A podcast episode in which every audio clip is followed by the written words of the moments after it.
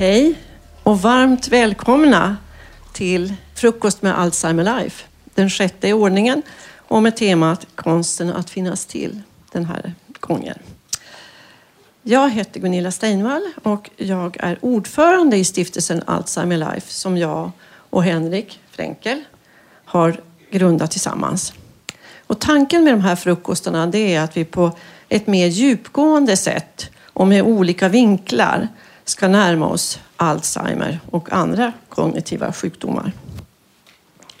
Och vi gör det i samarbete med Biokapitol och med eh, det svenska biofarmaföretaget BioArctic. Men nog om detta. Henrik, nu lämnar jag över ordet till dig så att du får presentera dagens gäster. Hej! Ni är väldigt varmt välkomna. Det är så kul att, uh, att vara här. Det är en av höjdpunkterna för mig att uh, ha de här uh, frukostarna. Det, har ni tänkt på en sak? Eh, det pratas väldigt mycket Alzheimer just nu. När vi startade stiftelsen så var det väldigt tyst. Uh, och nu helt plötsligt så, så pratar all, alla om det. Allt och alla. Och inte minst TV i fyra olika avsnitt. Fantastiska avsnitt. Så att det händer saker nu. Äntligen. Eh, de flesta av er har väl varit med här förut, eller hur? Ja, jag brukar, eh, behöver inte ens fråga, fråga om det. Ni vet att vi kör lite Skavlan här, det vill säga en åt gången och så fyller vi på. Och eh, vi på Alzheimer Life, vi, eh, vi har alltid patienten i fokus och därför har vi alltid en patient som vi inleder med. Eh, och jag tycker det är så otroligt modigt att patienter ställer upp och berättar. Det gjorde de inte för tre, fyra år sedan. Så den första som eh, jag skulle vilja välkomna upp är Lisa Agerling. Välkommen. Tackar. En applåd. Varsågod, ta en Ja. mikrofon. Eh, Lisa, du kom i morse. Lisa var sjukskriven för utmattning. Men efter något år så förstod du att det var något annat som låg bakom tröttheten och glömskan. Först, jag känner igen dig från tv-programmet Fråga Lund. Nej, inte Fråga Lund. Fråga dok- doktorn. Fråga doktorn, ja. ja. just det. Fråga doktorn. Fråga, fråga doktorn är det. Ja, just det. Precis. Ja, du ser. Det är två stycken förvirrade personer här. Och jag kommer vara mest förvirrad. Eh, du valde att gå ut med din sjukdom till hela svenska folket. Ja. Varför det? För att jag kände att det var så viktigt för mig. Ehm, Min bakgrund är, jag har jobbat inom vården och de sista tio åren så jobbade jag mycket med verksamhetsutveckling och att det skulle bli bättre för patienterna. Så det här var någonting som när jag själv blev sjuk då så eh, kände jag att eh, här vill jag vara med och berätta min resa och vad man kan göra. Du trodde först att det var utmattning. Hur märkte du Ja. att det inte var det? Eh, när jag blev ju sjukskriven för utmattning då och jag fungerade inte riktigt på jobbet. Jag glömde av vad jag skulle göra. Min chef sa till mig vad jag skulle göra och jag, ja, jag glömde. Eh, och så var jag sjukskriven ett år. Och så tänkte jag nu, nu mår jag bra. Och så började jag jobba med de här stegen som ni säkert känner till. Man, där man har varit sjukskriven. Och, eh, men jag kände att eh, det blev inte bättre. Utan jag kände mer att jag började känna mig liten och att jag inte fungerade som jag hade gjort. Och då bestämde jag mig för att jag, nu går jag i pension. Jag var 64 år då. Och eh, så tänkte jag då, ja nu när jag har slutat jobba så blir det säkert jättebra. Men det blev det inte, för jag kände att det är någonting som inte stämmer. Så gick det väl nästan ett år och så sökte jag då på närhälsan först och eh, det gjordes en mindre utredning då och det visade sig att jag hade kognitiva svårigheter och blev då skickad till eh, minnesmottagningen i Göteborg, bodde jag då. Och så gjorde man ju utredningen och då fick jag ju min diagnos att jag hade Alzheimers sjukdom. Begynnande Alzheimer Ja. var diagnosen. Och då visade det sig att när jag var utmattad, det var då som sjukdomen visade sig första gången. När jag inte fungerade. Hur var det att ta emot beskedet? Ja, det var tungt såklart. Det var jättetungt och ehm, Kunde du ta in det? nej. Jo, nej, det kunde jag inte riktigt. Det, det hade väl funnits med mig men det var ändå långt ifrån att jag trodde att, eller att jag hade Alzheimer. Men, så Men när du det. säger att det var tungt, vad, vad betyder tungt? Ja, allting rasade för mig kan man ju säga. Och ehm, eh, för min man också. Eh, det blev svart. Och ehm, det var väldigt tufft. Och det hemskaste, nej det var inte det hemskaste, men vad som jag tänkte på efter för att jag fick min diagnos två dagar innan det var påsk. Och när jag kom hem sen så hade jag ju, jag kunde ju inte ringa någon för alla hade ju, var ju lediga, det var påsk. Och Och vilka, bara- vill, vilka ville du ringa? Läkare, Jaha. ja, att, att få kontakt med vården. Och prata med dem en gång till? prata, Ja, för att man mådde ju så förfärligt dåligt. Och det, det tror jag många känner igen. Och det fanns inget stöd för dig då? Det fanns inget stöd, nej. Och jag fick inte heller, tycker jag, någon... Alltså jag hade önskat att jag hade fått ett återbesökstid Mm. efter två, tre veckor när det värsta hade lagt sig. Mm. Det, det här svarta hålet som vi brukar prata om. Och hade jag, för det hade känts tryggt för mig. För det, det, jag fick själv ta kontakter. Och, alltså man orkar ju inte riktigt men eh, så är det. Så, så det kändes att eh, Men det här var också mitt under pandemin. Hur var det? Ja, det var det också. Till råga på allt elände så var det så. Ja. Och det gjorde ju också att man inte fick så mycket kontakt med vården. Men som tur är så har jag ehm, många omkring mig som kunde stötta mig och, hjälpa mig på alla sätt. Har en fantastisk familj och vänner och ehm, jag var ju också sen väldigt tidig med att gå ut och berätta det här. Varför gjorde du det? För att det skulle förenkla för mig själv tyckte jag. Så att eh, det hade gått några veckor, sen satte jag mig Självklart de alla när, närmsta visste ju om det men sen så skrev jag till de som betyder någonting för mig och berättade om att jag hade sjukdomen. Och det kände, jag, jag kände att jag ville göra detta för att det skulle förenkla livet för mig själv. Att underlätta att det, det var lättare att mötas sedan när jag hade berättat detta. Så det är jag väldigt glad för att jag gjorde. Och det har gjort att eh, jag har fått så mycket kärlek och eh, omtanke och av eh, både vänner och släkt och eh, ja, det är jag väldigt trygg i. Många som får en sån här diagnos, eller det kan ju vara det, eller det kan vara cancer, eller det kan vara något annat, ändrar sitt liv. Vad, vad gjorde du? Du gjorde det. Ja, ehm, det gjorde vi. vi. Jag bodde i Göteborg som sagt var med familjen. Eh, jag kommer ursprungligen från Falkenberg och min man och jag hade pratat om att när vi blev pensionärer att vi kanske skulle flytta till Falkenberg. Och då när jag fick min eh, diagnos så sa jag att ska vi flytta så ska vi göra det nu. Så vi satte igång i princip direkt och eh, ja, skulle sälja lägenheten eh, och så vidare med allt det innebär och så. så att, eh, Men man ska inte göra sådana här livsavgörande beslut när man är i chock, men ni gjorde det. Ja, det hade klart gått några veckor såklart kanske några det hade veckor. gjort och så. Men, men det var, det kändes liksom, nej. vi gör det nu, vi ska inte vänta. Det var liksom det som var grejen, att inte vänta för länge.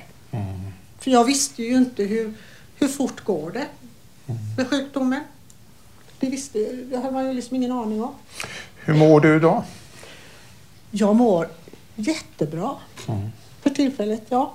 Det är klart att jag har mina dåliga dagar och när liksom inte saker fungerar som jag vill riktigt. Vad är det som händer då? Då blir jag arg, jag blir ledsen. Jag, ehm, jag är en doer och har varit van att alltid vara i farten och så. så att, eh, och när jag inte klarar saker så är det klart att det är jobbigt. Men vad är det för saker du inte klarar då? Om är mer Ja, konkret. alltså det kan vara allt möjligt från att jag misslyckas med att baka en kaka. så blir jag, alltså det blir så tydligt vad som inte fungerar. Det är liksom det som gör mig ledsen då. Och förtvivlad såklart. Men det går över och jag har via min... Eh, jag eh, tillhör Varbergs sjukhus där och de har en fantastisk eh, vad heter det, minnesmottagning. Mottagning. mottagning, ja. Ja. Och jag får så mycket hjälp där. Att få hjälp igenom det här svåra. Till exempel när man blir så där ledsen. Hur ska jag hantera min att jag mår som jag gör och så. Jag får fantastisk hjälp. Vad säger det är de? jag väldigt glad för. Vad säger de? Vad gör man när man blir så ledsen? Ja, men, alltså, ja, det är lite svårt att förklara. Alltså, nej men det är det här att man får lite verktyg för hur man ska lugna ner sig och, och lite, ja, jag vet inte riktigt hur jag ska förklara det.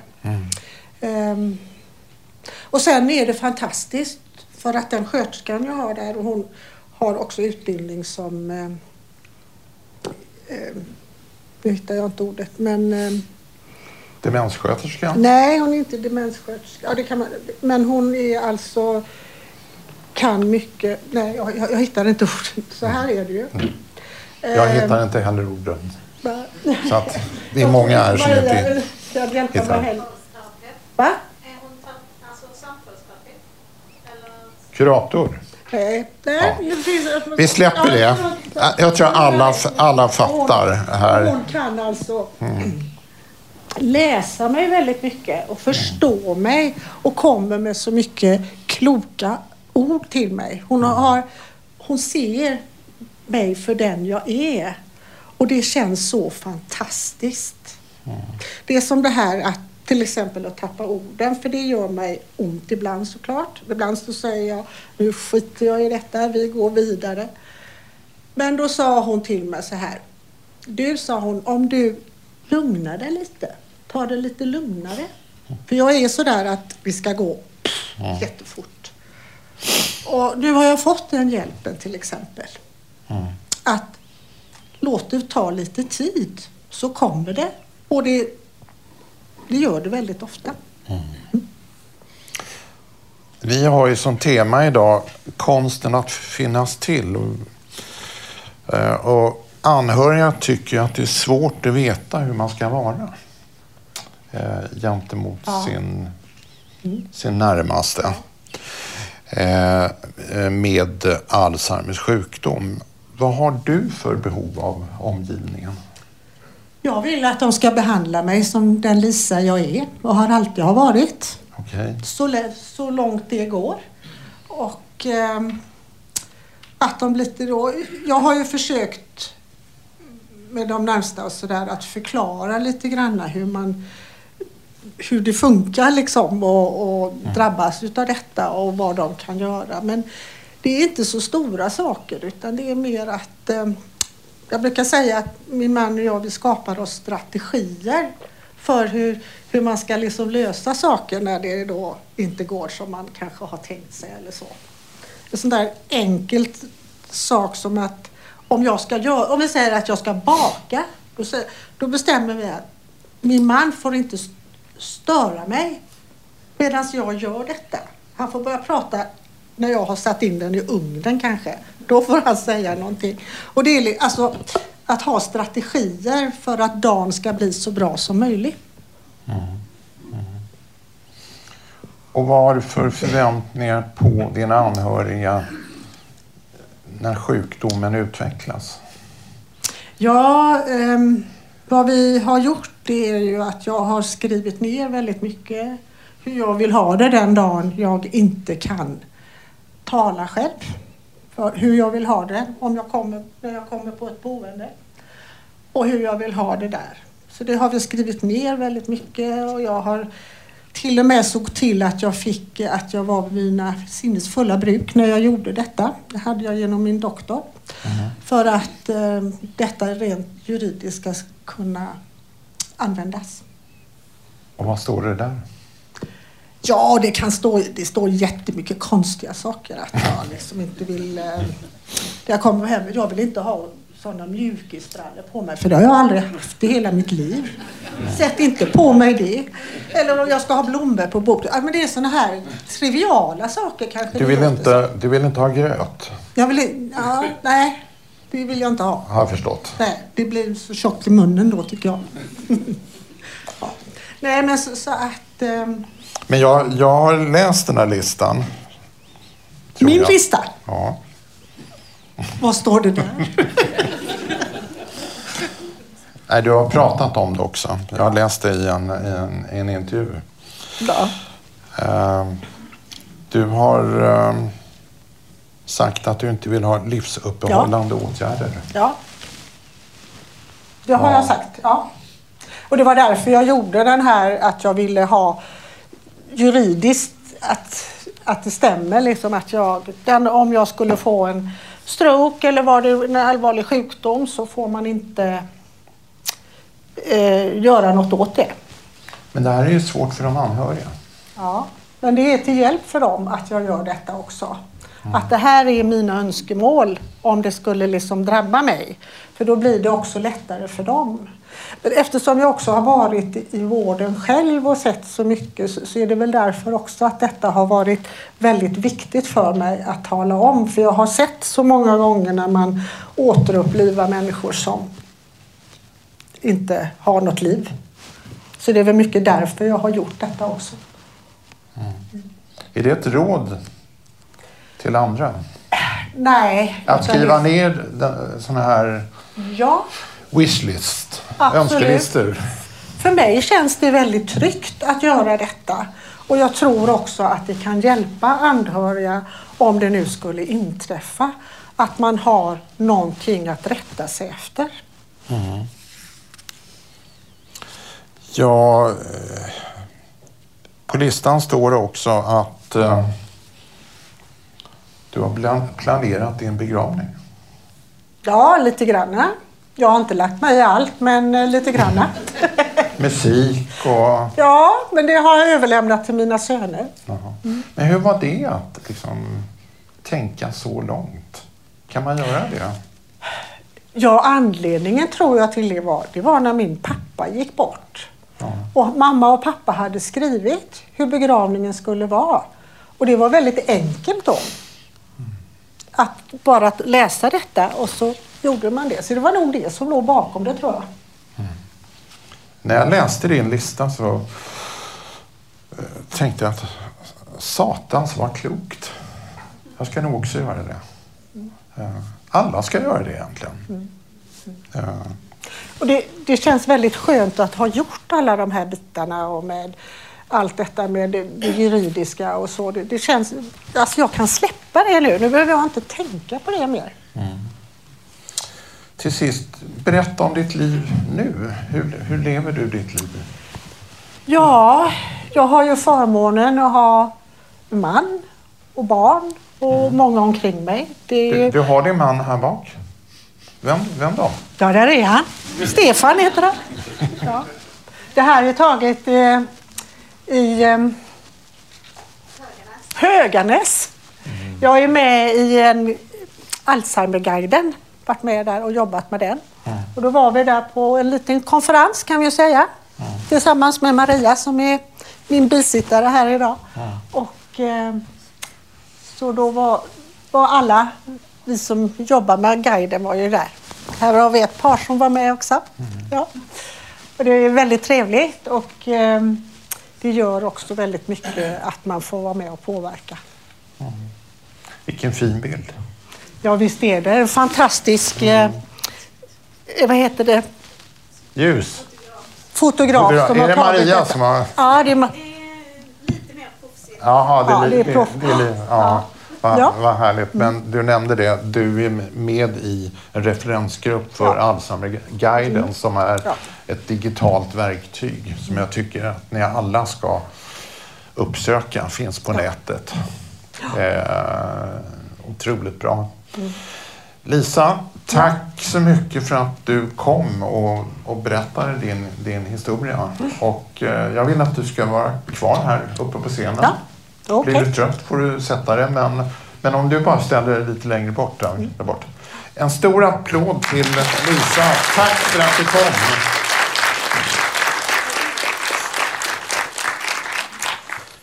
Eh, när DN-journalisten Anne Reuterskiölds mamma dör i covid på ett demensboende så blir det början till en försoning mellan de två som eh, levt ett liv i någon slags gränslös relation. Och eh, Annis aktuella bok När du dör eh, eh, vill jag vara nära blir då Annis modiga sätt att söka upp sina minnen från barndomen. Och faktiskt, tack vare mamma eh, och hennes Alzheimer, hitta tillbaka till, till deras kärlek. Välkommen, Anne Reuterskiöld. Där har vi dig. Stor applåd!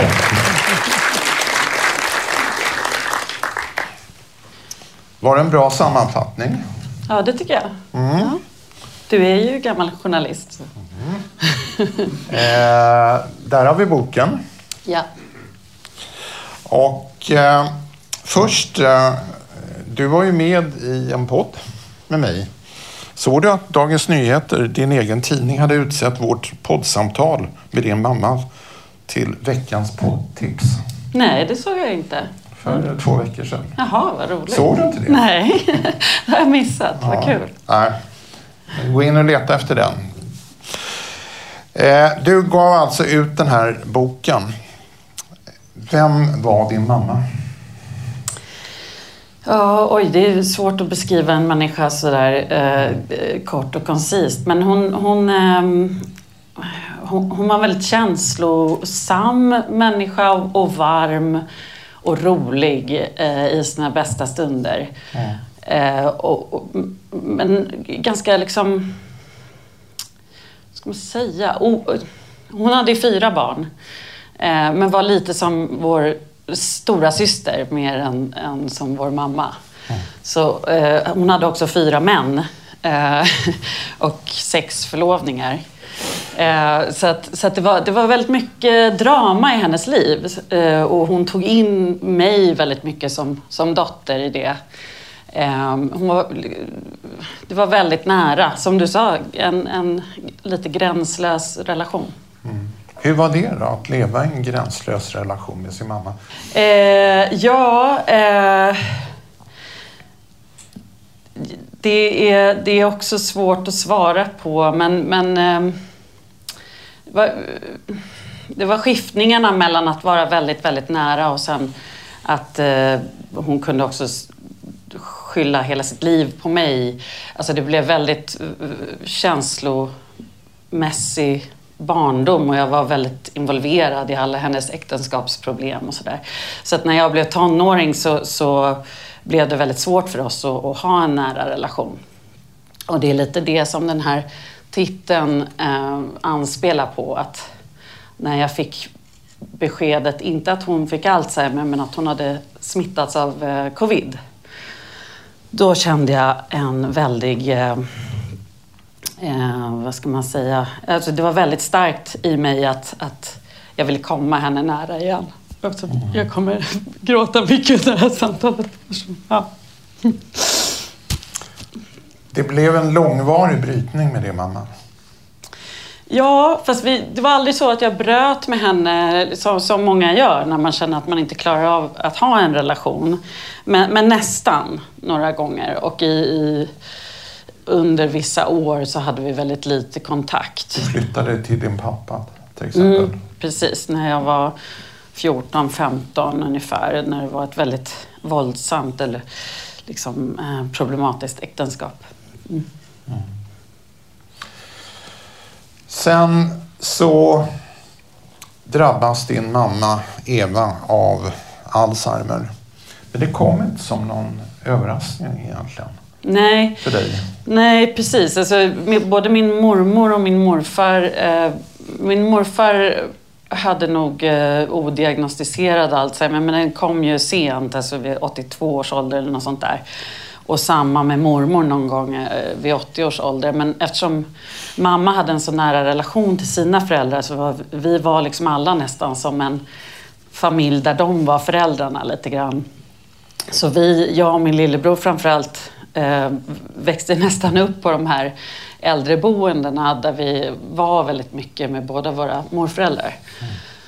Så mamma pratade väldigt mycket med oss och, om att hon antagligen kommer få det och, och ja, hon brukar skämta om att när hon inte kom ihåg någonting, att det var Alzheimer light och sådär.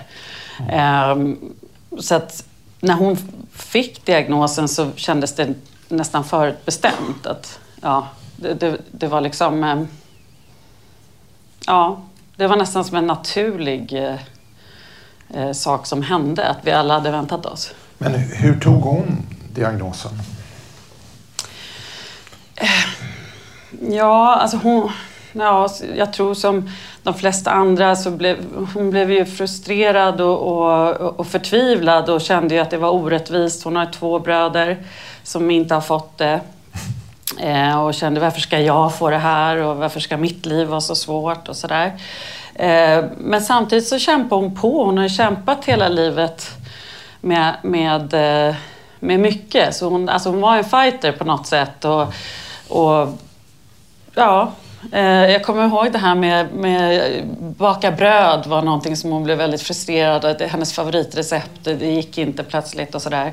Men kanske till skillnad från dig Lisa så, så tror jag att mamma gillade liksom att få hjälp. Och hon, hon levde ihop med en man då som lagade mycket mat. Hon tyckte det var superskönt att slippa laga mat till slut efter alla dessa år. Så att, så att skillnaden för henne där i början blev inte lika stor. För hon liksom ja, sjönk ner i soffan och lät sin man göra mycket och sådär. Ehm, men, men hon hade ju levt med den här rädslan för sjukdomen väldigt länge. Och hon sa ju till mig också någon gång när vi hade varit hos min mormor att blir jag sådär så skjut mig hellre. Alltså stäng av, tryck på knappen liksom. Att hon ville ju inte hamna där. Ehm, Men hon gjorde inga förberedelser som, som eh, Lisa har gjort. Nej. Hon levde med sin Alzheimer i 12 år och eh, du skriver i boken att sjukdomen blev på något sätt räddningen för er relation. På vilket sätt? Ja, nej men det var, det var ju det här att det, hon, eh, hon... Hon tog in mig så väldigt nära. eh, och sen när hon var frisk då. Eh, men sköt också ifrån mig. Eh, liksom att eh, jag skyllde alla sina, eh, hela sitt livs eh, olycka på mig om hon blev arg och sådär. Så att, och hon kunde bli väldigt, väldigt arg. Så det var eh, för plågsamt att, att ha en så nära relation med henne. Så att då fick jag liksom verkligen eh, skydda mig själv genom att eh, också stänga av på något sätt känslor inför henne. Eh, men sen när hon då blev sjuk så ehm, försvann det här aggressiva beteendet mer och mer. Ehm, I början kunde man se liksom skiftningar i ansiktet där man var van att nu blir hon arg. Men så glömde hon liksom, det var som att hon glömde bort vad, vad, hon hade tänkt som, som höll på att göra henne arg. Och så blev hon inte det och, och, och istället så, så blev hon väldigt, väldigt glad varje gång jag kom. Eh, och var väldigt kärleksfull alltid, varje gång. Så det blev liksom förutsägbart, eh, vår relation på något sätt. Du, skriver, det- du, du skriver i boken, apropå det här, att sjukdomen skyddade mig från en framtid med dig. Det är väldigt starkt. Förklara det. Ja, nej, men jag började... Alltså, just att hon alltid var glad och kärleksfull när vi sågs så började jag tänka på det. Hur hade det varit om hon fortfarande hade varit frisk? För då hade det ju på ett sätt kunnat vara mer smärtsamt tror jag. För det var, det var otroligt smärtsamt att vara eh, nära henne när hon var frisk eftersom hon kunde eh, skjuta, sig, eh, liksom, skjuta mig ifrån sig på ett så, så, så eh, drastiskt sätt.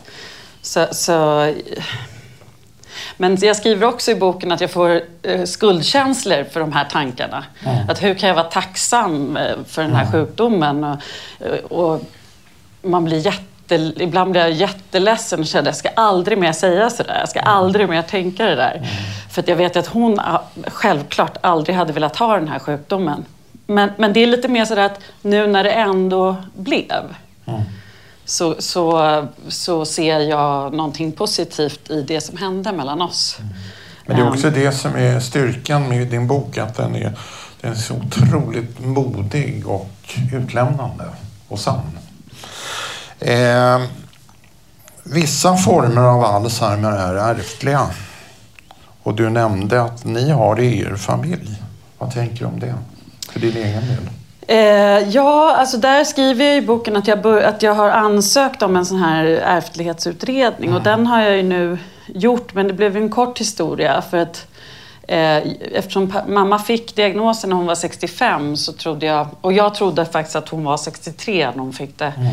Eh, men de har sett att de var 65. Eh, så trodde jag att, att, det kanske, att vi kanske har den här genen som är 50 procents ärftlighet. Mm. Och då ville jag veta det kände jag.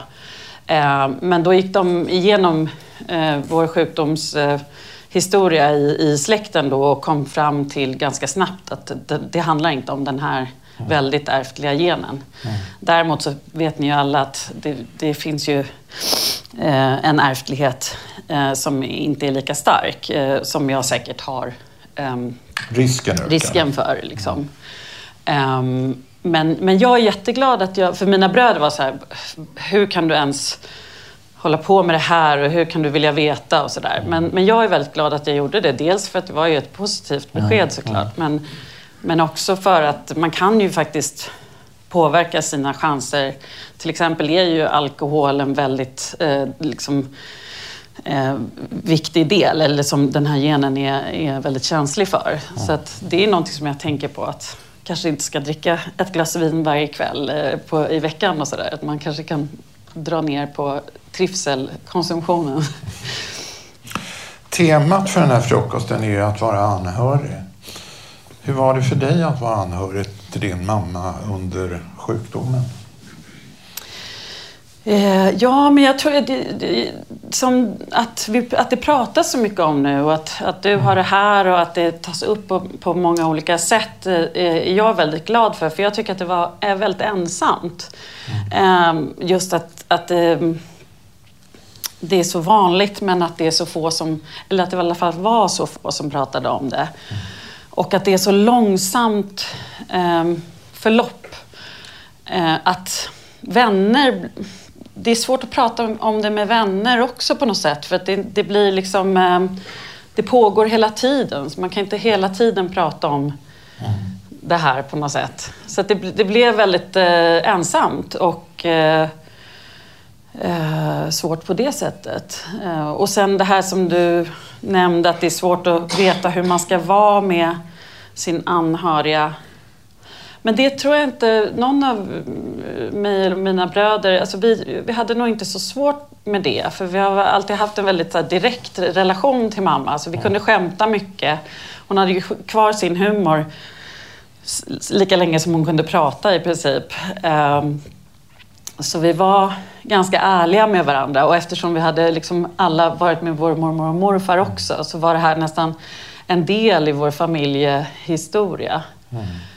Um, men, men sen läste jag på lite också. Det gjorde inte mina bröder till exempel. För, för de ville liksom inte gå in i det här alls. Men då läste jag i alla fall att när det blir värre, att man inte ska hålla på och rätta när, no Alltså när hon säger att vi... Och det är så trevligt att vi är här i Docksta i Höga Kusten fast vi sitter eh, i, i Stockholm någonstans. Att man säger ja det tycker jag också, eller hur? Det är så fint här i Docksta. Att det är mycket bättre än att hålla på och säga mamma vi är inte i Docksta nu och vi har inte varit i Docksta på jättelänge och sådär. Att det, det, det är instinkten på något sätt. Men jag hittade en, ett sätt att, att... För att det spelar inte så stor roll vad man säger i de där situationerna. Det behöver inte vara rätt. Nej, precis. Utan det kan bara vara ett samtal som, eh, som är givande ändå. Vad säger du Lisa om att bli rättad? Därför att det är ju någonting som många sjuka blir. Rättade av sin omgivning. Ja, Du får ibland, ta mikrofonen. ja, ibland kan jag ju bli lite irriterad på det. Faktiskt. Eh, men... Eh, nej, jag vet inte riktigt. Men jag det. tänker att, att du, du är ju, just nu är det inga problem på det sättet. Men det var ju när mamma liksom var i slutet Ja, av sjukdomen och inte ja, ja. visste vad hon var och sådär. Och Då finns det liksom ingen riktig anledning att, att hålla på och, och understryka det. Det håller jag fullständigt med om och och det, det är väl så som jag också skulle vilja ha det. Att man eh, får bortse från det där. För det är som inte du skrev, att, att, att eh, du vill att man, man ska vara mot dig som du är nu. Och, det, och jag tycker att, att det är att vara det. Att, att, att, eh, att, att, ändå, att gå med på eh, din verklighet då, Ja. på något sätt. Ja, men jag förstår precis vad du menar och jag håller med dig. Att det, ja. Annie, eh, vi måste avsluta men Ja. jag tänker på en sak och det var, du skrev också att mitt ibland all sorg, din mamma dog under pandemin eh, av sjukdomen och sen så i boken så uttrycker du någonting som väldigt få vågar säga högt. Mitt ibland all sorg så känns det som en lättnad. Kommer ihåg att du skrev det? Mm, alltså lättnad att hon, ehm, att hon, när hon dör. Ja. Ja. Eh, ja, jo men, men eh, det var det ju på sätt och vis. Alltså det är ju en, en otroligt eh, jobbig eh, sak att, att eh, vara anhörig till någon som, som långsamt försvinner bort. Ehm, så på ett sätt så, så var det en lättnad. Och det är också en, för, när, när jag kom in där, när hon låg, eh, när hon låg död i, i sin säng så, eh, så såg hon så mycket mer ut som, som sig själv än vad hon hade gjort på väldigt många år. Och det var också så skönt att se. Eh, För att man, man, man glömmer bort lite vem det är där i slutet. Alltså vem den här personen som man har levt med hela livet är. Det, men det är väldigt fint att, att, att, att få kontakt med den personen igen. Hur känns det att prata om henne? Idag? Alltså, som jag skrev till dig, jag är ju relativt höggravid också. Så det är svårt att hålla sig eh, eh, från tårarna. Men, nej, men det känns fint och det känns väldigt fint att, att vara här och prata med er. Eh, För att det är, det är otroligt svårt och någonting som bara pågår i vardagen för så många människor. Eh, Och jag tror att det blir väldigt mycket lättare om man delar det. Tack Annie. Tack. En applåd.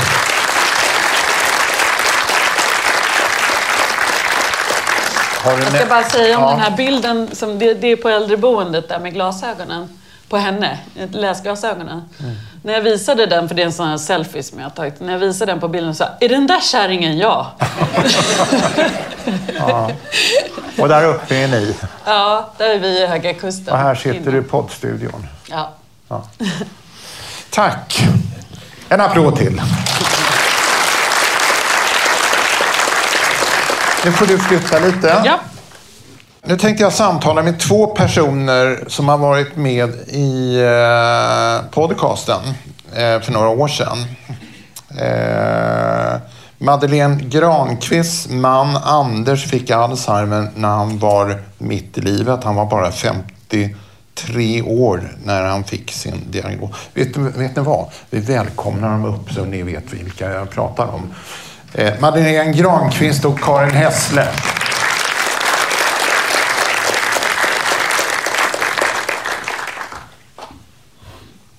Eh, Madeleine, din man Anders fick Alzheimer när han var alltså mitt i livet. Han var 51 år när han fick sin diagnos 2019. Och du var med i eh, min podd 2020, ett samtal som berörde mig och jag tror många. Och Karin, Karin Hässle och hennes man Micke Hässle, ni vet nog vem han är, var med i en av mina första poddar och jag, jag kan bara kort berätta historien om Micke Hässle. Han är känd som Viggenpiloten som plötsligen fick Alzheimer bara 50 år gammal. Eh, och Karin och, eller Karin och Micke var några av de första i Sverige som ville spricka stigmat runt Alzheimer. Och de var med i många olika media. Så nu är jag intresserad av i det här samtalet, vad har hänt sedan vi träffades senast? Jag, ska, jag tror jag ska börja med dig Madeleine. Eh, jag ska också säga det att ni ville vara tillsammans upp på scenen. Det tycker jag är fint. Eh, ni har lärt känna varandra genom sjukdomen. Mm. Eh, så här är det att eh, jag tror att jag har gjort ett 40-tal poddar nu eh, i Alzheimer Life. Men samtalen med, med er två och era män, de, eh, de berör, berörde mig otroligt mycket och finns med i mitt medvetande fortfarande. Jag kommer ihåg väldigt mycket från de här samtalen. Men för dig Madeleine och för din man Anders så var det första gången ni uppträdde. Ja, vi hade varit med eh, genom Alzheimerfonden. För att På en min man- konferens. Ja, på en konferens och det var där vi träffades. och jag sen- såg dig. Ja. Jag, jag hörde av mig till er och ni var Mm. osäkra på om ni var beredda att gå ut och berätta om det. Och så träffades Mm. vi. Och sen till slut så sågs vi i, eh, i, i studion. Hur var det att prata om Alzheimer ihop med din man? Ehm, nej men jag, jag märkte väl att du berörde vissa ämnen som vi inte vågade ta med varandra. Mm. Så det var, det var bra. Och vad var det då? Eh, framtiden. För vi har jobbat och gör fortfarande på det sättet att vi pratar inte så mycket om framtiden. Däremot så försöker jag förbereda, för det måste man ju ändå ligga ett steg före, men det är oftast det som är det svåra med sjukdomen. När jag tycker att jag kanske praktiskt sett med myndigheter och allting har det på det klara, men i hans sjukdom och hans stadie, där hinner jag inte med ibland. Så jag tycker ibland nu, nu har vi kläm på det här, nu har vi en strategi för det här. Men då har han ramlat ner till nästa. Eh, Så det är en väldig utmaning tycker jag. Vi har Anders här på bilderna. Berätta kort om Anders. Vem, vem, vem är han Ja. före sjukdomen? Eh, före sjukdomen, väldigt fysiskt aktiv. Eh, väldigt aktiv även i diskussioner och i det sociala. Det var ju där jag började känna att nej men herregud, nu börjar jag vinna i diskussionerna. Det är inte alltid så. Ehm, och, men något som jag kan sakna idag, för det, det var någonting han alltid var.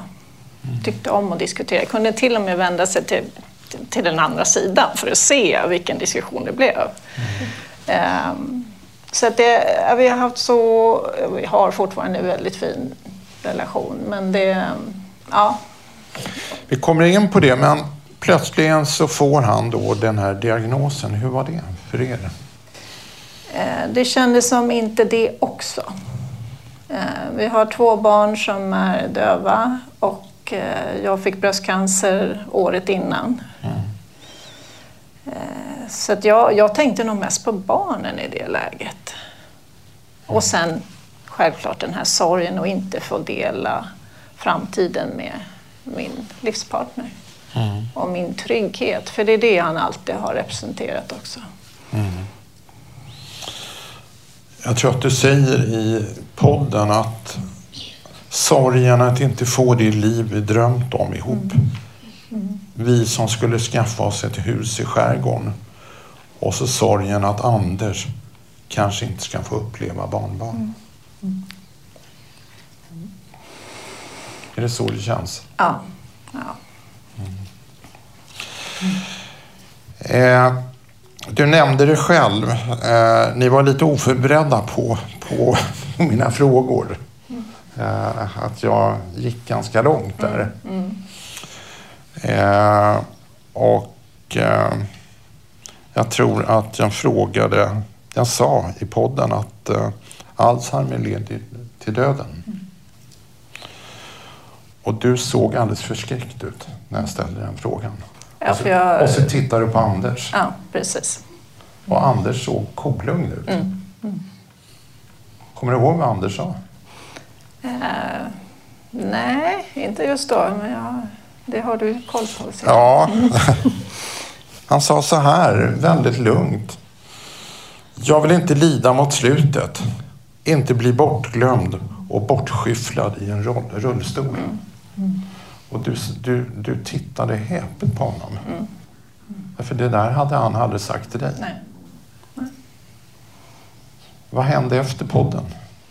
Nej, men jag tror inte vi gjorde så stor sak av det då heller. Nej. För att vi har gått på så många saker i livet så det känns som att ja, nu har vi pratat om det där och sen så Samtidigt så vi tyckte det var bra att det hade kommit upp också. Men jag tror vi har skyddat varandra hela tiden. Berätta, vad, på vilket sätt? Och inte prata om till exempel boende, för jag vet att han blir så upprörd av det. För då tycker han, då, då kan det vara. Eh, så då släpper jag självklart det.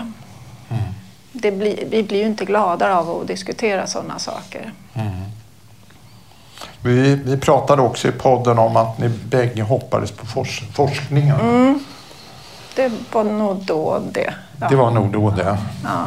Det är bortom det idag. Ja, men han är ju inte, har inte mild kognitiv svikt längre. Så att då, nej. Plus att han fick eh, Parkinson för två år sedan. Blev det, fick han den diagnosen. Och då har man funderat på om det är leverbody eller Parkinson och Alzheimer. Men ja, det, det, det går ju inte tillräckligt snabbt där med forskningen. Nej.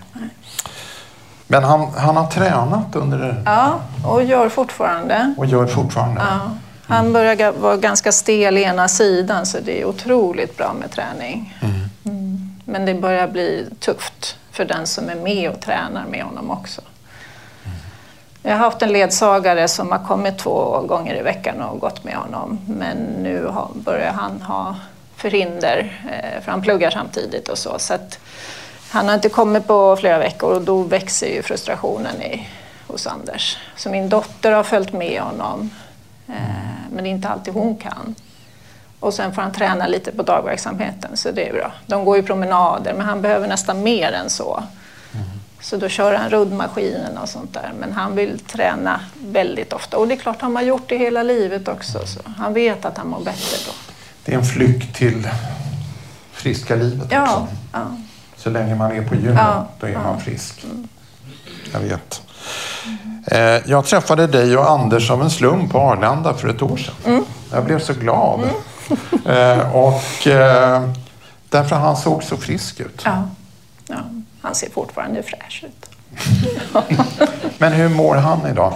Nej, han mår inte så bra. Och det, det kan också vara eh, ett dilemma ibland när folk ser honom. De kanske ser att han skakar lite, men annars så ser han ju så pigg och fräsch ut. Så att det är så svårt att förstå att han har sjukdomarna. Eh, tills han ser att han får hjälp. När omgivningen ser att jag hjälper honom mycket, då. Nu har det blivit så pass att det, nu börjar omgivningen hjälpa mer än vad jag tror att de ska göra. Jag Vadå? förväntar mig inte att om vi går på en restaurang och så ser de att jag leder honom till stolen och när han ska sätta sig måste jag visa var stolen är och bordet är och glaset är.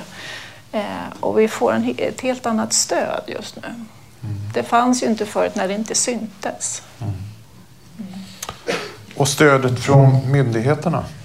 Ja, det har väl varit lite sådär. Hur då? då? Men det, ja, det har gått lite upp och ner. Vad är det som inte har funkat? I början så var det ju sjukpenningen för att han blev av med jobbet eh, när han fick diagnosen. Och eh, ja, som jag nämnde i podden också det här med att eh, de till och med försökte få ut honom i arbetslivet igen. De förstod inte att det här är en progredierande sjukdom som blir sämre med tiden. Eh, så det, nej, det, och, när man är inne i då också sin sorg så, så är det inte så lätt att hantera allt det här. Det blir ju sån frustration. Och så kommer det oundvikliga med ett boende. Kan ni prata om det överhuvudtaget? Nej, faktiskt inte än. Nej. Det var faktiskt en, en kompis, en nära vän till oss som tog upp det för han trodde att han kunde prata om det. Men nej, det var inte poppis. Vad tänker du om det då? Har du någon strategi? Nej, Jag vet inte, jag har inte ens pratat om att Micke är på ett boende.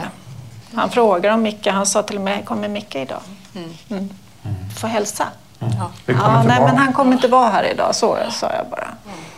Ja. Och eh, du själv var bara 50 år när det här eh, började. Hur har du hämtat ork under de här åren? Ja, mycket tack vare barnen. De är helt otroliga med honom. Eh, Den här frustrationen som fanns i början när de inte visste hur de skulle hantera den är borta. Utan det finns bara hjälp och stöd. Däremot så har vi inom, inom alltså familjen, inte mot Anders, men mellan oss själva så säger vi, vi, vi tecknar ju med varandra då ibland. Eh, och så säger vi vit flagg. Det betyder att nu behöver jag paus. Kan du ta över? Mm. Och det, det är jättebra. Och då kan det räcka med att jag får gå en promenad eller någonting. Känner du att du har hittat din roll som anhörig?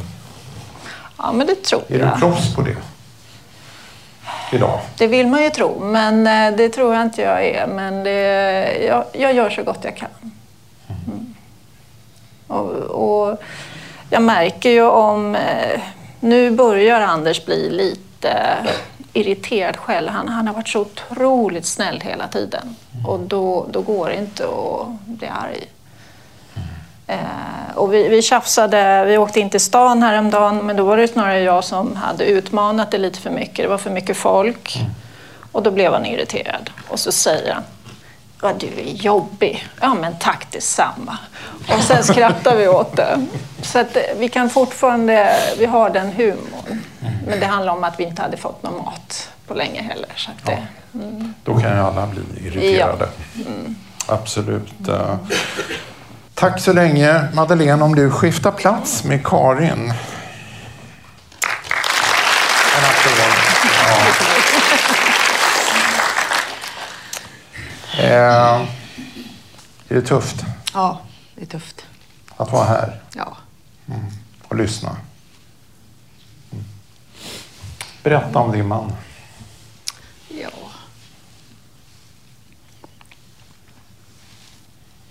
Han eh, flyttade till ett boende för fem månader sedan. Och då var han ändå ganska liksom fräsch. Så. Och nu ser ni på bilderna hur han ser ut nu. Liksom. Det har gått jättefort. Han ser fräsch ut men sjuk. Ja, han har gått ner 10 kilo. Har svårt att gå, kan inte äta själv. Ja, kan inte göra någonting själv, svårt att prata. Eh, Ja, jättetufft är det. Jag stötte på er för eh, fyra år sedan när jag själv fick min första diagnos som sen ändrades. Och, n- eh, jag sökte desperat på nätet efter någon som var som jag. Och ni var de enda jag hittade. Ni var de enda som fanns ute på nätet. Ja, tror vi var lite först där Ja. faktiskt med att I olika tv-program och Nyhetsmorgon och poddar och liknande. Det ni gjorde betyder så otroligt mycket för mig. Mm. Eh, Jag lärde mig så enormt mycket och ni gjorde att jag blev modig också och vågade själv gå ut. Och det är egentligen därför vi sitter här. Ja. Så att, eh, det är verkligen, ni var, ni var föregångare. Eh, historien eh, om, om Mick, Micke.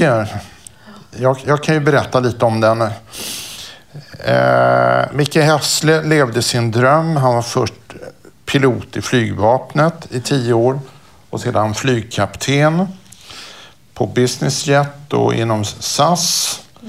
Och sen så bestämde sig SAS för att byta ut sina Boeingplan till mer moderna Airbus.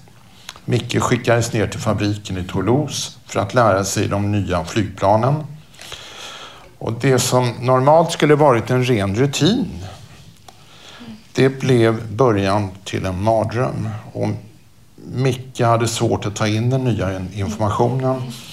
Och en kollega antydde lite oförsiktigt att han kanske hade en släng av Alzheimer. Det var så det började, Ja, Karin. det var det. Han ringde mig flera gånger under den här kursen och kände att jag, jag, jag kommer inte ihåg det jag läser. Jag får inte in det. Och han har alltid varit väldigt, väldigt smart och liksom lärt sig allting jätte, jättefort. Eh, och sen när jag hämtade honom på Arlanda, då var det som, han var helt tom. Det, det var inte han. Liksom. Och då blev han sjukskriven direkt och sen tog det sammanlagt ett år innan diagnosen kom. Hur var det att ta emot den? Ja, hemskt, fruktansvärt. Micke sa, ja det kunde ju varit värre, sa han. Jaha. Och jag bröt ihop liksom. Och sen samma som flera säger här, att man får en diagnos och sen är det tack och hej, vi syns om ett halvår. Och sen sitter vi i bilen på Essingeleden på vägen hem och då bryter han ihop. Och då sitter vi båda där och gråter och kör hem på motorvägen. Helt galet. Så att, ja, det, Han var pilot. ja. Och eh, vad gjorde hans arbetsgivare, SAS då?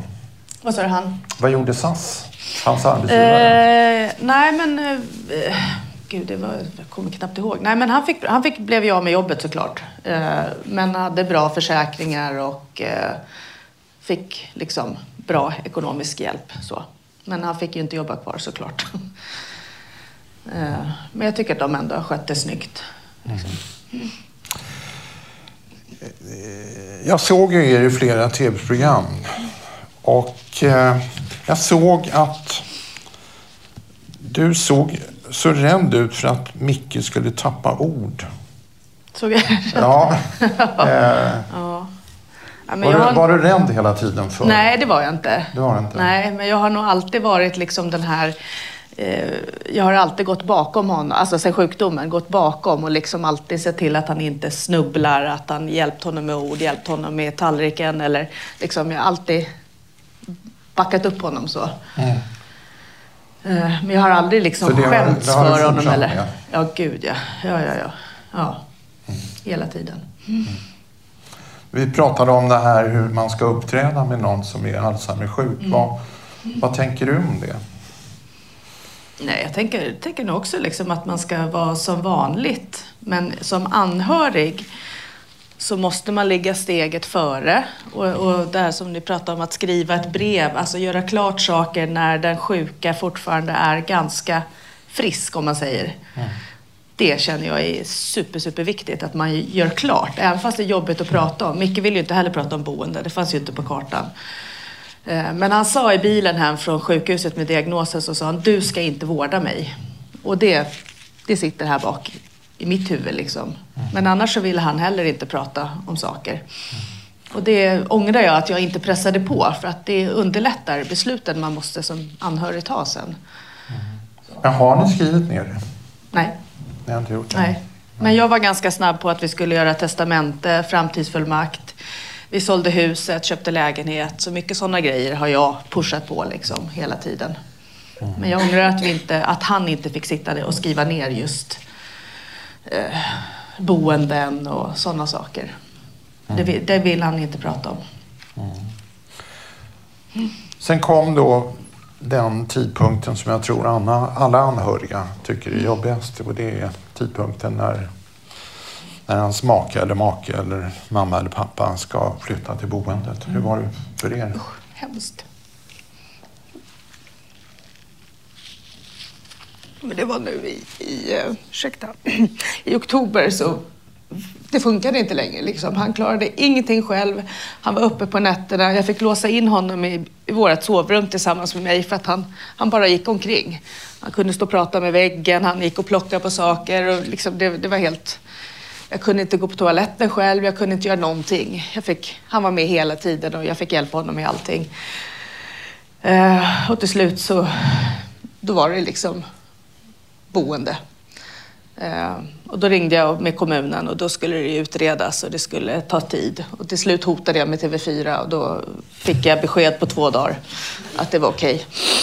Okej. För det är också det att när man, när man väl vill ha ett boende, då har man dragit det så pass långt så att det inte går längre. Boende är ju liksom det sista steget. Man, man, då behöver man hjälp. Men då, var, då hade vi en vecka på oss att välja boende och flytta. Så han var med och Nej. var... Nej. Nej. Nej, vi lurade dit honom. Det är usch, hemskt. Hur gick det till? Eh, jag sa att vi skulle till ett, en annan dag. Jag sa att vi skulle till en annan dagverksamhet. Eh, och sen så åkte vi dit, jag och sonen med honom. Och så, då fattade han och bröt ihop liksom. Och då sa vi bara hej då och gick. Mm. Och sen fick vi inte komma dit förrän två veckor senare. Men det var jättejobbigt. Men nödvändigt liksom. Men ja, usch, hemskt. Jag tror alla, alla anhöriga som har lämnat sina närmaste känner igen den här historien. Inte minst det här jag, jag, jag tror att hade vi pratat om det när han mådde ganska bra, att han hade fått bestämma att när det blir för jobbigt för dig så lämna mig på ett boende. Då hade man ju gjort det med mer liksom, trygghet på något sätt. Nu gjorde jag ju det fast jag visste att han inte ville. Men jag var ju tvungen liksom. Lisa, du ville säga Ja, något? jag har faktiskt skrivit ner detta också. Att de får bestämma den dagen Ja. som inte jag kan vara hemma längre. Så jag har liksom lämnat över det redan till dem. För att det ska underlätta. Ja. Att eh, även om jag säger nej så är det liksom dags. Va? Och det, där jag tycker man, man ska göra det. Jag vet att det är jobbigt beslut. Jag vet att det är jobbigt, många inte vill prata om det. Men man måste göra det för de anhöriga och för barnens skull. Liksom. Så att det, Och alla, att man gör de här, det- känns, för mig känns det väldigt skönt för jag kan, jag kan också släppa ja, det sen. precis. Jag behöver inte bry mig längre. Nej. Så att Och så lever jag här och nu istället. Ja, men precis. Och jag tror att Micke ville hela tiden leva här och nu. Ja. Och det gjorde vi Ja. väldigt mycket. Men någonstans så finns det ju faktiskt en framtid också där, där vi vet hur det blir. Och då, den hade vi behövt prata om mer faktiskt. Bara inflika där. Annie. Att man, ja. Nej, Ma- men Madeleine, börja du då. Nej, men jag bara tänker på att vi har ju gjort lite på samma sätt Ja. utan och, och det är ju inget vi har kommit överens om utan våra män har kanske agerat på samma sätt och vi har agerat på samma sätt. Man vill så gärna att det ska fungera nu och ha trevligt nu, vi, inte prata om det där tråkiga. Men jag tror att, jag vet inte, men det känns som i mitt fall, boende är inte jättelångt borta tror jag. Eh, nu får jag sova på nätterna, men ett tag var jag uppe fem, sex gånger på nätterna och då var jag, jag var så sliten så att jag, då, då kan man inte sköta om någon annan heller. Eh, men att man tar det väldigt tidigt. Mm. Det var det jag skulle säga. Så det ångrar jag idag. Men jag tror att det är för sent att säga nu. Annie, du tänkte säga. Ja, det är ju olika kvalitet på boendena. Men jag skulle ändå slå ett slag för, för boende. För att också för anhöriga, för oss, nu är det lite annorlunda när det är ens make. Men för, så var det en otrolig lättnad när mamma fick eh, plats på boende. Men då hade hon bott själv i två, tre år med hemtjänst. Och det var den absolut jobbigaste tiden för oss man kom hem och det var ah, matrester överallt. Det kändes bara som att det var kaos. Liksom. Och så fick hon den här omvårdnaden dygnet runt på det här boendet som var väldigt, väldigt bra. Men just det här att det också för anhöriga, det var jättejobbigt för oss också när vi lämnade henne där. Men sen blev det sån otrolig lättnad för oss och trygghet att känna att hon var ständigt omhändertagen. Så att just det här, för att det finns så mycket skräckhistorier om boenden i medier och det är ju många som inte håller måttet. Men det är många som gör det också. Att, att det inte ska vara en sån skräckscenario. Nej. Det tänker jag är bra att ha i huvudet också på något sätt. Och att man liksom också måste släppa. Att nu, nu går jag härifrån, nu tar de hand om honom. För att jag måste ta hand om mig själv och mina barn. Jag måste också liksom fortsätta leva. Att man, att man kan, kan känna så. Hur mår du? Jag mår, jag mår nog rätt bra egentligen. Fast nu är det jobbigt. Nu när han mår, när han är så här. Vi var där igår och det är liksom, det är inte mycket kvar av honom. Och det är jobbigt. Och sen är det ju det där, äh, vi har ju levt ihop i 32 år och nu är jag själv. Och den är liksom, jag sitter och väntar så här, när kommer han hem? Det är så tomt och tråkigt. Framförallt tråkigt.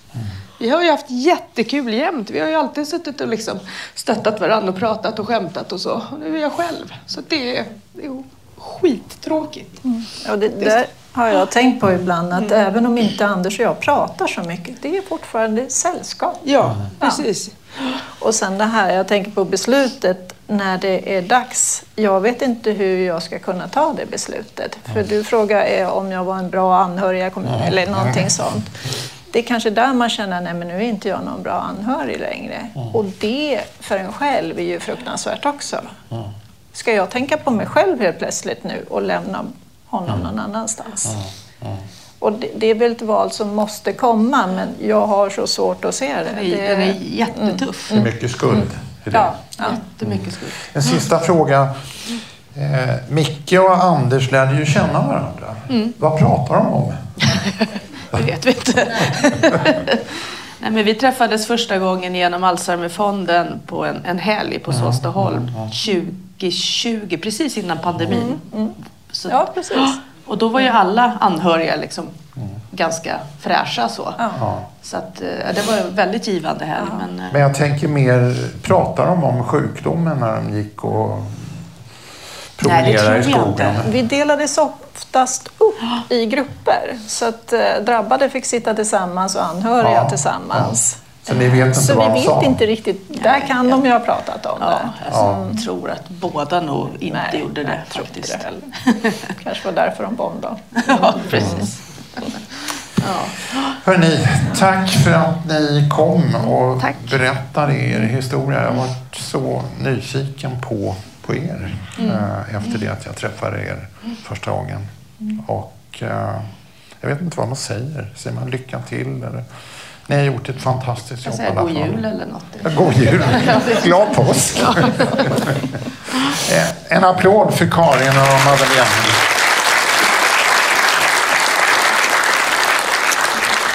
Eh, nu ska vi reflektera lite kring det här. Eh, Ulla-Karin Nyberg är cancerläkare och psykiatriker som är van vid att lämna besked om livshotande sjukdomar. Ulla-Karin Nyberg, där har vi dig. Du har också varit med i min podd. Och till skillnad mot alla andra poddar som jag har gjort eh, så var det jag som grät i den här podden. Ja. Kommer du ihåg? Jag kommer ihåg. Och du blev förvånad. Ja. Men jag blev inte alls förvånad. Nej, därför du sa att folk brukar gråta när de träffar mig. Ja, alla gör det. Jag jobbar med självmord. Det ja, men det var inte det område. vi pratade om. Nej, det var inte det vi pratade om. Men därav gråten. Ja, precis. Ja, hur, hur hanterar vi människor att få en diagnos, typ Alzheimer? Och hur hanterar omgivningen det och de anhöriga?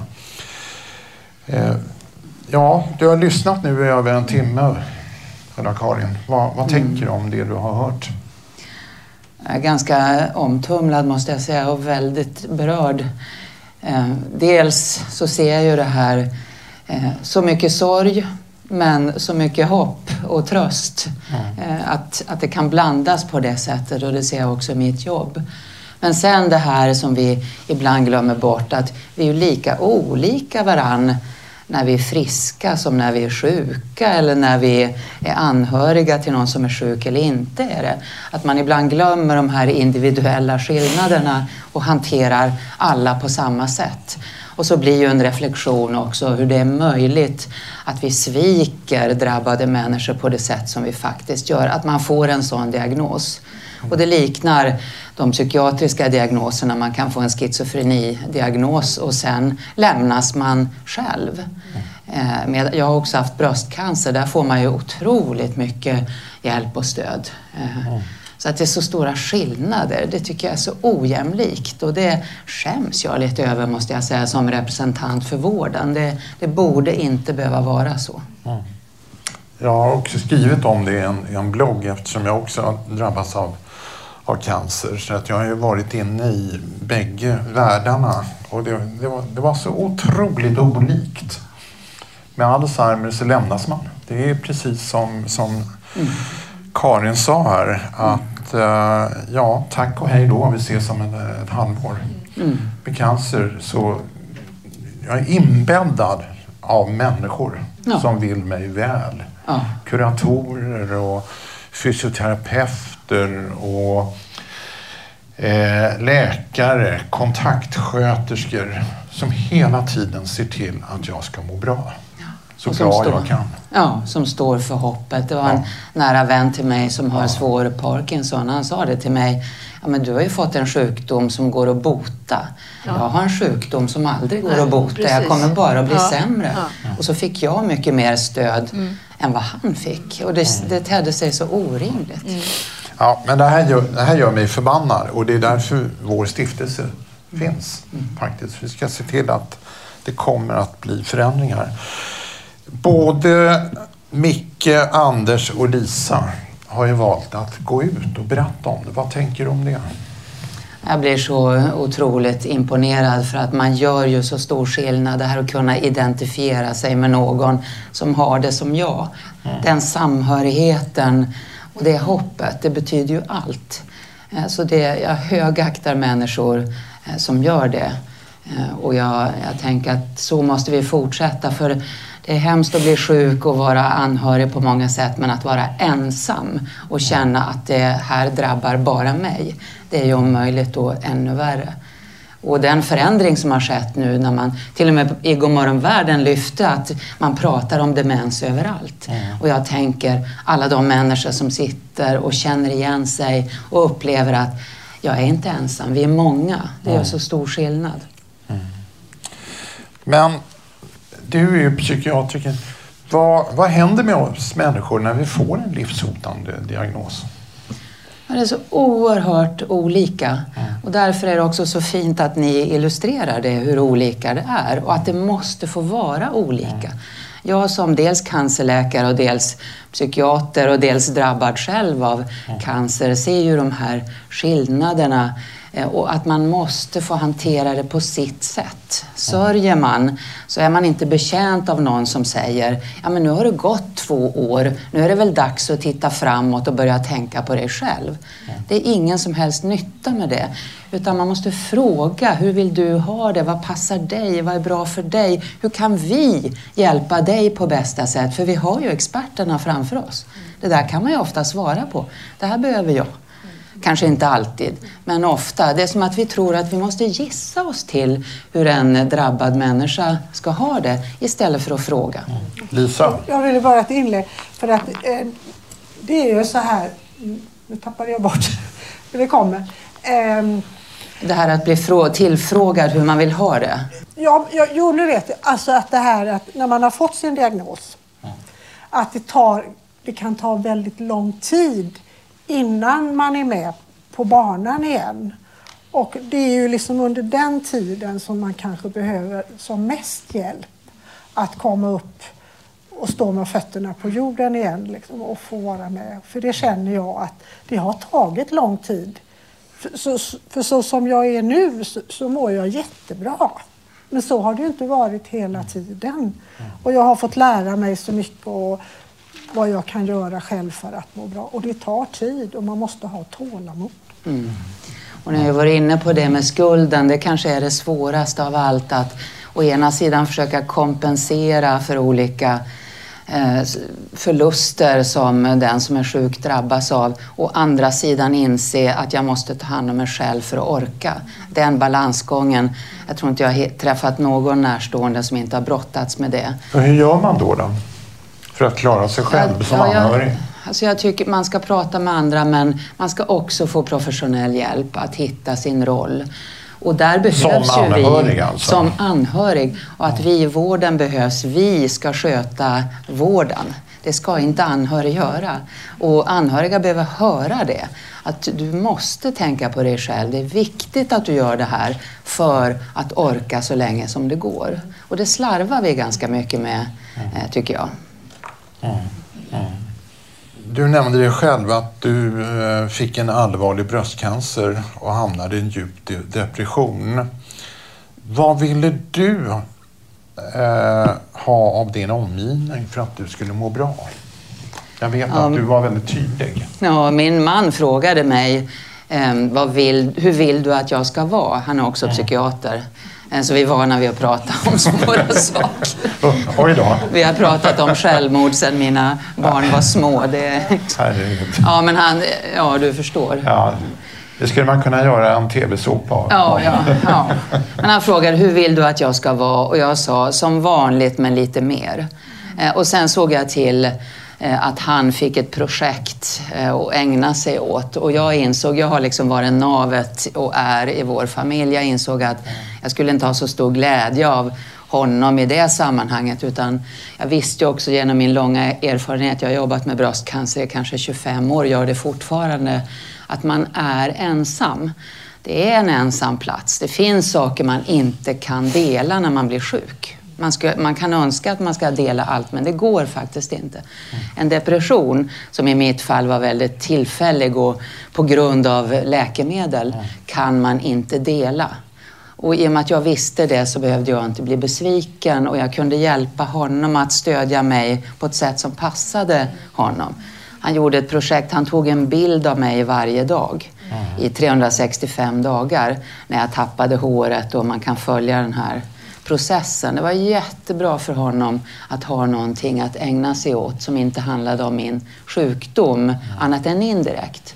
Att... När min sambo eh, Lena hörde podden med dig så sa hon att eh, ja, men nu vet jag hur jag ska vara mot dig.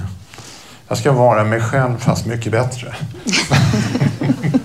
Vilken ambitiös person. Ja, ja, men du hade ju sagt det. Och jag bara bekräftade. Mm. Om Ulla-Karin säger det, då är det, då är det rätt. Men du nämnde det här med, med också depressioner. För många som har en sån här sjukdom, vi är på väg att avsluta nu, eh, hamnar i depression. Ja. Och liknande. Och jag eh, hade en, jag var gift med en person som hamnade i en djup utmattningsdepression. Och jag kommer ihåg att jag var helt rådlös. Jag visste inte hur jag skulle göra. Vem ska jag vara nu i det där? Eh, vad jag än gjorde så, så blev det fel och då pratade jag med en terapeut på Ersta sjukhus som rådde mig att inte gå ner i min frus sjukdom, dåvarande frus sjukdom, för djupt utan se till att jag själv skulle må så bra som möjligt. För någon i familjen måste ju ha näsan över vattenytan. Mm. Det var rådet. Vad tänker mm. du om det? Ja, det är lättare sagt än gjort ja. förstås.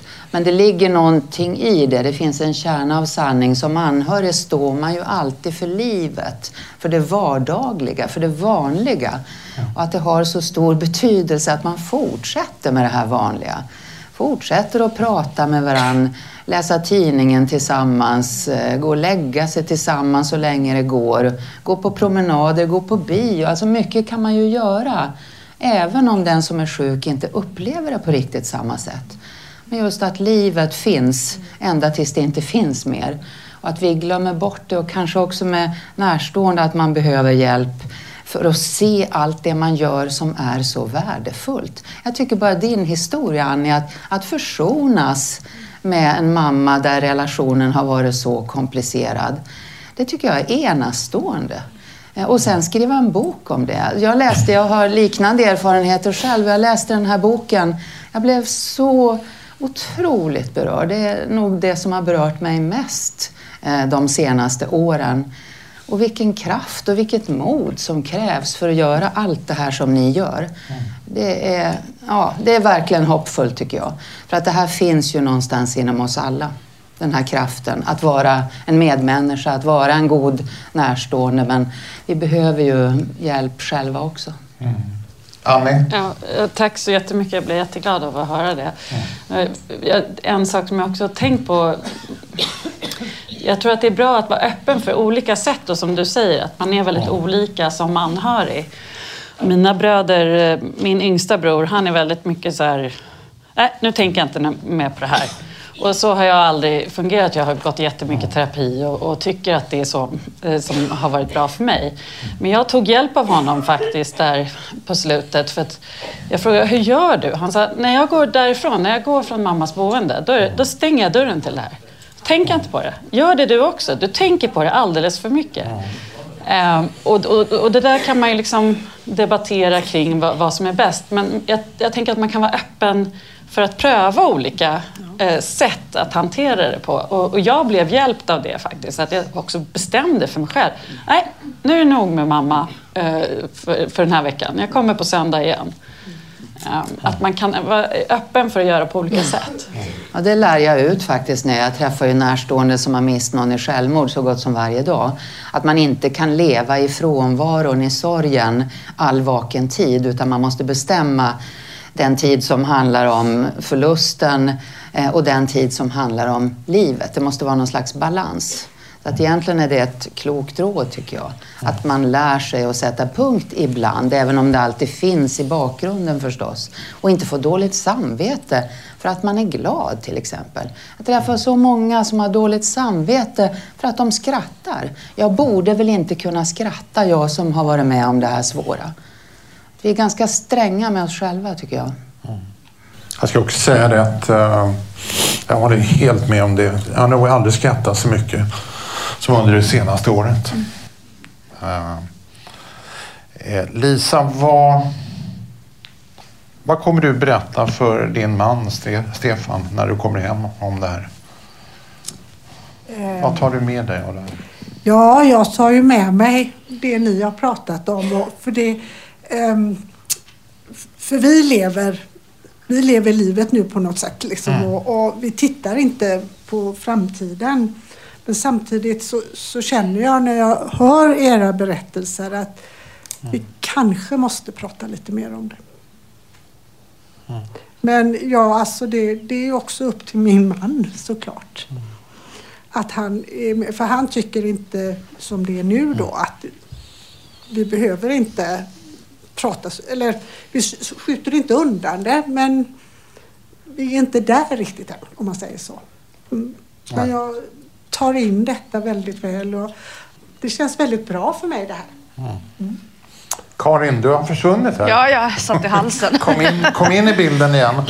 Eh, normalt så brukar vi eh, släppa fram frågor men jag känner att eh, det här har varit så starkt och käns känslomässigt så att eh, jag tycker vi vi stannar här och tack för att ni är så modiga och tack för att ni är föregångare och går ut och berättar. Många efter er kommer, kommer göra det och eh, lycka till med era liv och vi kommer träffa på er framöver också.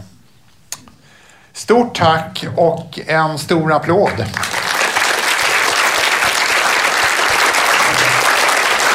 Och eh, så ses vi. Eh, vi återkommer. Tycker ni att vi ska fortsätta med det här? Bra. Jag misstänkte det. Eh, vi ses eh, i höst igen. Så får vi se vad det är för tema vi hittar på då. Stort tack ska ni ha. Hej då och ha det bra. Bloggen och podcasten Alzheimer Life har också en insamling till förmån för forskning om kognitiva sjukdomar. Ni kan hitta den på vår hemsida alzheimerlife.se och den görs i samarbete med Alzheimerfonden. Denna specialpodd produceras av stiftelsen Alzheimer Life med finansiellt stöd av biofarmabolaget BioArctic och den görs på Beppo.